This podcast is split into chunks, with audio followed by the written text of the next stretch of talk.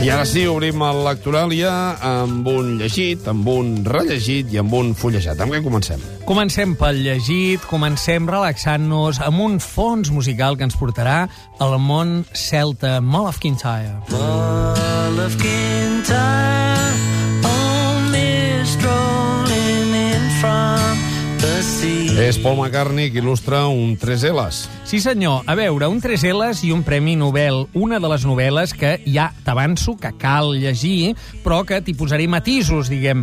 El sueño del Celta, l'última obra del Mario Vargas Llosa. Això sabem que va coincidir la seva publicació ara al novembre, a Alfaguara, amb el guardó que l'han encimballat eh, com a Premi Nobel.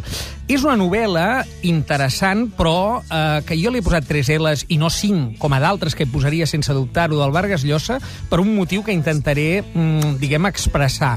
Això és la novel·la que reviu la personalitat, la biografia d'un irlandès, Roger Casement.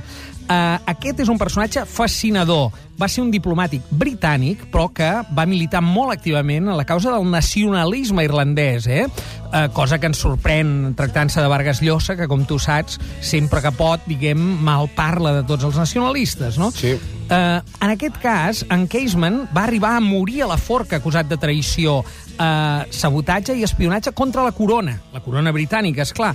Aquest és el punt de partida de la novel·la i tot el seu decurs són els seus últims moments abans de ser justiciat. Ara bé, és clar, llavors descobrim una vida impressionant perquè en Casement, sobretot, ha passat a la història perquè va fer un, un informe que va destapar totes les salvatjades de l'home blanc al Congo africà, concretament al Congo belga, per tant, a les salvatjades de l'home colonial amb els eh, africans, i després, eh, ja comissionat per al propi imperi, va fer un segon viatge a l'Amazònia, eh, que va tocar doncs, una companyia peruana, que és el que li toca de prop, m'imagino, al Vargas Llosa i el que li interessa, i va fer un informe dels eh, també salvatjades de l'home blanc amb els indígenes de la regió de Putumayo. Eh?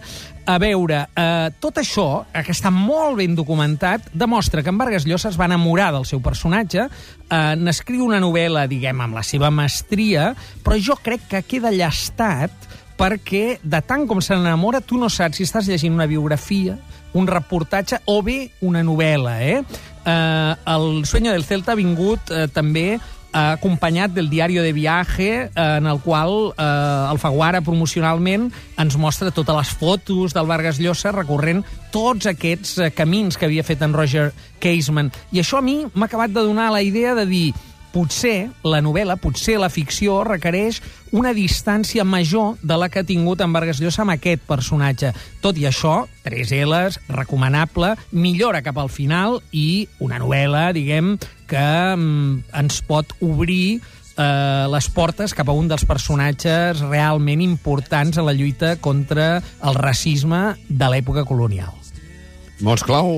Aquí parlaríem de molts ismes, nacionalisme, colonialisme, però també de violència, violència desesperada, Irlanda, Àfrica, Amazònia, també homosexualitat, un tret de la, diguem, de la vida d'en Roger Casement també era la seva homosexualitat, i finalment, Imperi Britànic. Anem al rellegit.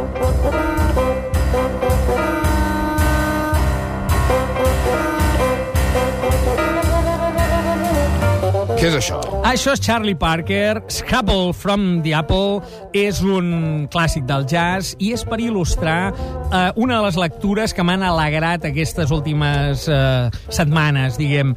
Eh, ja que hem parlat d'un dels membres eminents del boom iberoamericà, t'emporto un altre, t'emporto a Julio Cortázar, el gran cronopio, el grandíssim autor, del qual s'acaben de publicar, també al Faguara avui, Cartes a los Jonquier. Quatre L's. Sí, senyor. Això és una edició de cartes, eh? De cartes d'en Cortázar, edició a cura de l'Aurora Bernárdez, que va ser la seva primera dona, eh, la seva primera esposa. Després, eh, tot i això, la, eh, Aurora Bernárdez encara és viva, té 91 anys, i va ser també qui el va cuidar en els últims moments, un cop va quedar vidu de la Carol Dunlop, i per el crític català Carles Álvarez Garriga. A veure, aquí hi ha 126 cartes i 13 postals que Julio Cortázar envia a un amic seu, que es diu Eduardo Jonquier, eh, o Jonquieres, no sé com ho devien pronunciar Sí. sí. a, a l'Argentina, que era un pintor i poeta. I també tota la seva família.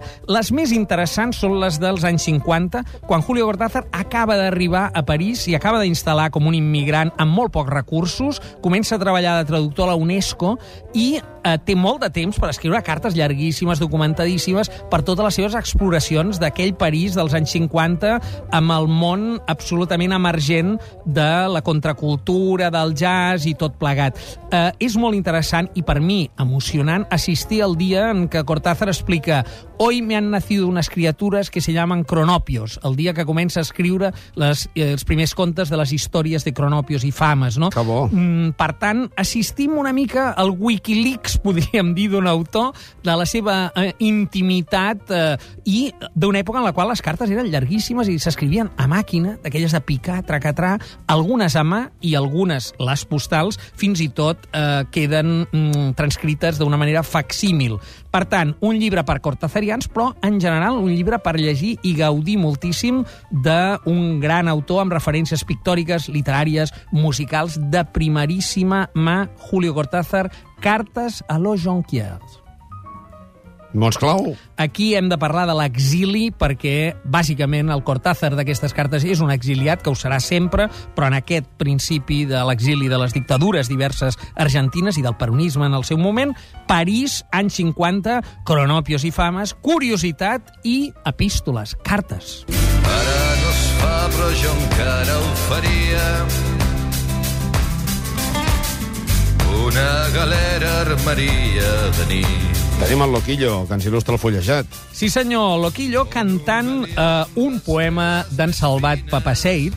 Això és per il·lustrar un catàleg, que és un llibre molt recomanable també, que es diu Salvat Papaseit, poeta avantguardista català, així tot junt.